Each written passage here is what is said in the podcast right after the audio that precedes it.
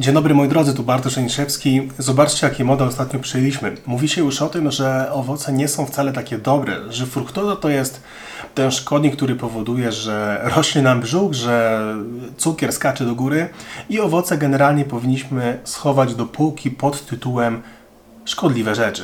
Jak to jest, że jeszcze niedawno mówiono o tym, że owoce jak najbardziej, że warzywa jak najbardziej zostały warzywa, a owoce tracą niestety rolę tych produktów, które warto byłoby, żebyśmy spożywali. Ja dzisiaj chciałbym się z nimi rozprawić, chciałbym przedyskutować z Wami kwestię owoców na diecie i tego, dlaczego w mojej opinii nadal warto je wdrożyć do swojego codziennego jadłospisu. Ale generalnie, gdybyśmy mieli mówić o owocach, to wrzucamy je tak naprawdę wszystkie owoce do jednego worka. I to jest nieważne, czy to jest banan, czy to jest jabłko, czy to są suszone owoce.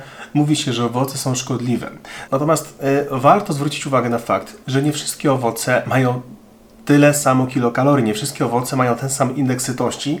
Nie wszystkie owoce będą w ten sposób, a nie inny wpływać na przykład na poziom naszego cukru we krwi. I teraz abstrahując od tego, jaka jednostka chorobowa nam towarzyszy, na przykład przy zespole jelita drażliwego, na przykład jabłka nie są do końca wskazanym produktem.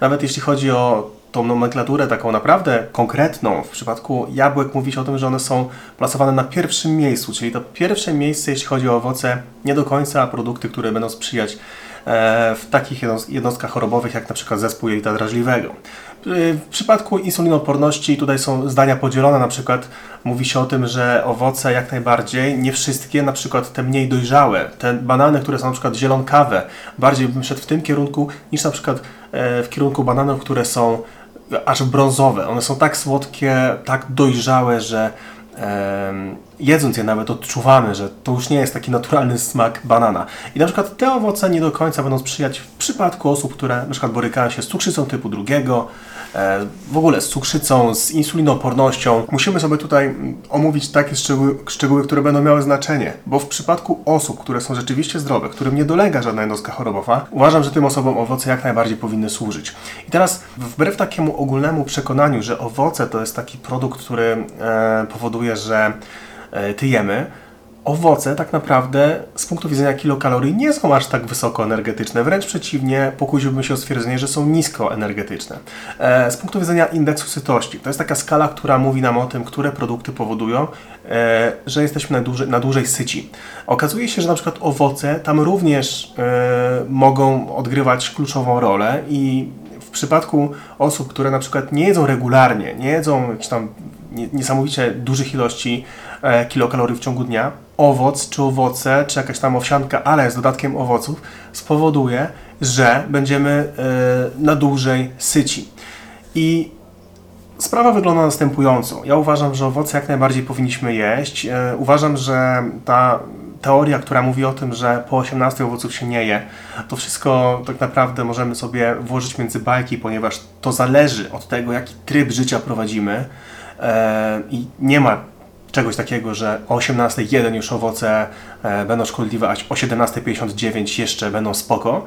E, I ostatnia rzecz jest taka, że owoce rzeczywiście, na przykład suszone, będą dla nas e, czymś nie do końca korzystnym z punktu widzenia e, odchudzania, ponieważ no, też możemy sięgać na przykład tak bezrefleksyjnie po, nie wiem, rodzynki, e, a takie suszone owoce jak na przykład właśnie rodzynki, czy nie wiem, suszone morele, e, mogą mieć naprawdę sporą ilość kilokalorii, a my tego tak naprawdę nie będziemy odczuwać, po prostu sobie będziemy sięgać garściami, bo tak też niektórzy właśnie jedzą, w ten sposób również podjadają.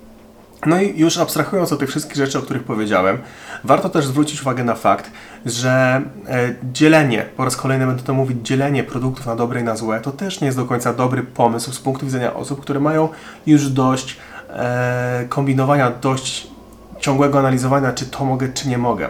Tak jak podkreśliłem wcześniej, jeśli nie ma żadnej jednostki chorobowej, która będzie przeszkadzać Ci w tym, żeby jeść słodycze, to to rób. Pamiętaj o tym, że matematyki nie oszukasz i deficyt kaloryczny będzie tutaj naprawdę naszym sprzymierzeńcem. I nawet takie owoce suszone przydadzą się, zwłaszcza dla osób, które na przykład okazuje się, że żeby były tym, dalej w tym deficycie kal, kal, kilokalorycznym, ale żeby jadły więcej, muszą naprawdę postarać się o to, żeby tych węglowodanów przejeść, żeby tych węglowodanów naprawdę dużo dostarczyć do, do organizmu i żeby tej energii było dość sporo. I wtedy na przykład garść suszonych owoców również się sprawdzi lub garść owoców, którą na przykład dodamy do szejka, zmiksujemy i w ten sposób będziemy podbijać tą kilokalorykę. Dlatego podsumowując, uważam, że owoce warto, żeby były w naszej diecie, warto, żebyśmy nie dzielili tych produktów na dobre i na złe i dalej pamiętali o tym, że owoce są naprawdę spoko alternatywą dla składników mineralnych, dla, dla, dla witamin. Ja na przykład jestem osobą, która nie może zasnąć po treningu wieczorem. Po prostu adrenalina buzuje, ja analizuję te treningi. Natomiast też zauważyłem, że w momencie, kiedy wprowadzam węglowodany do swojego e, do swojego organizmu wieczorem po treningu, dostarczam e, tryptofan do organizmu w postaci bananów, to czuję się o wiele lepiej, czuję się o wiele bardziej odprężony i mam wrażenie, że rzeczywiście ten sen przychodzi jakoś wcześniej, przychodzi jakoś szybciej. Więc warto by było, żeby te owoce nadal były w Twojej diecie. Pozdrawiam serdecznie, do zobaczenia, do usłyszenia.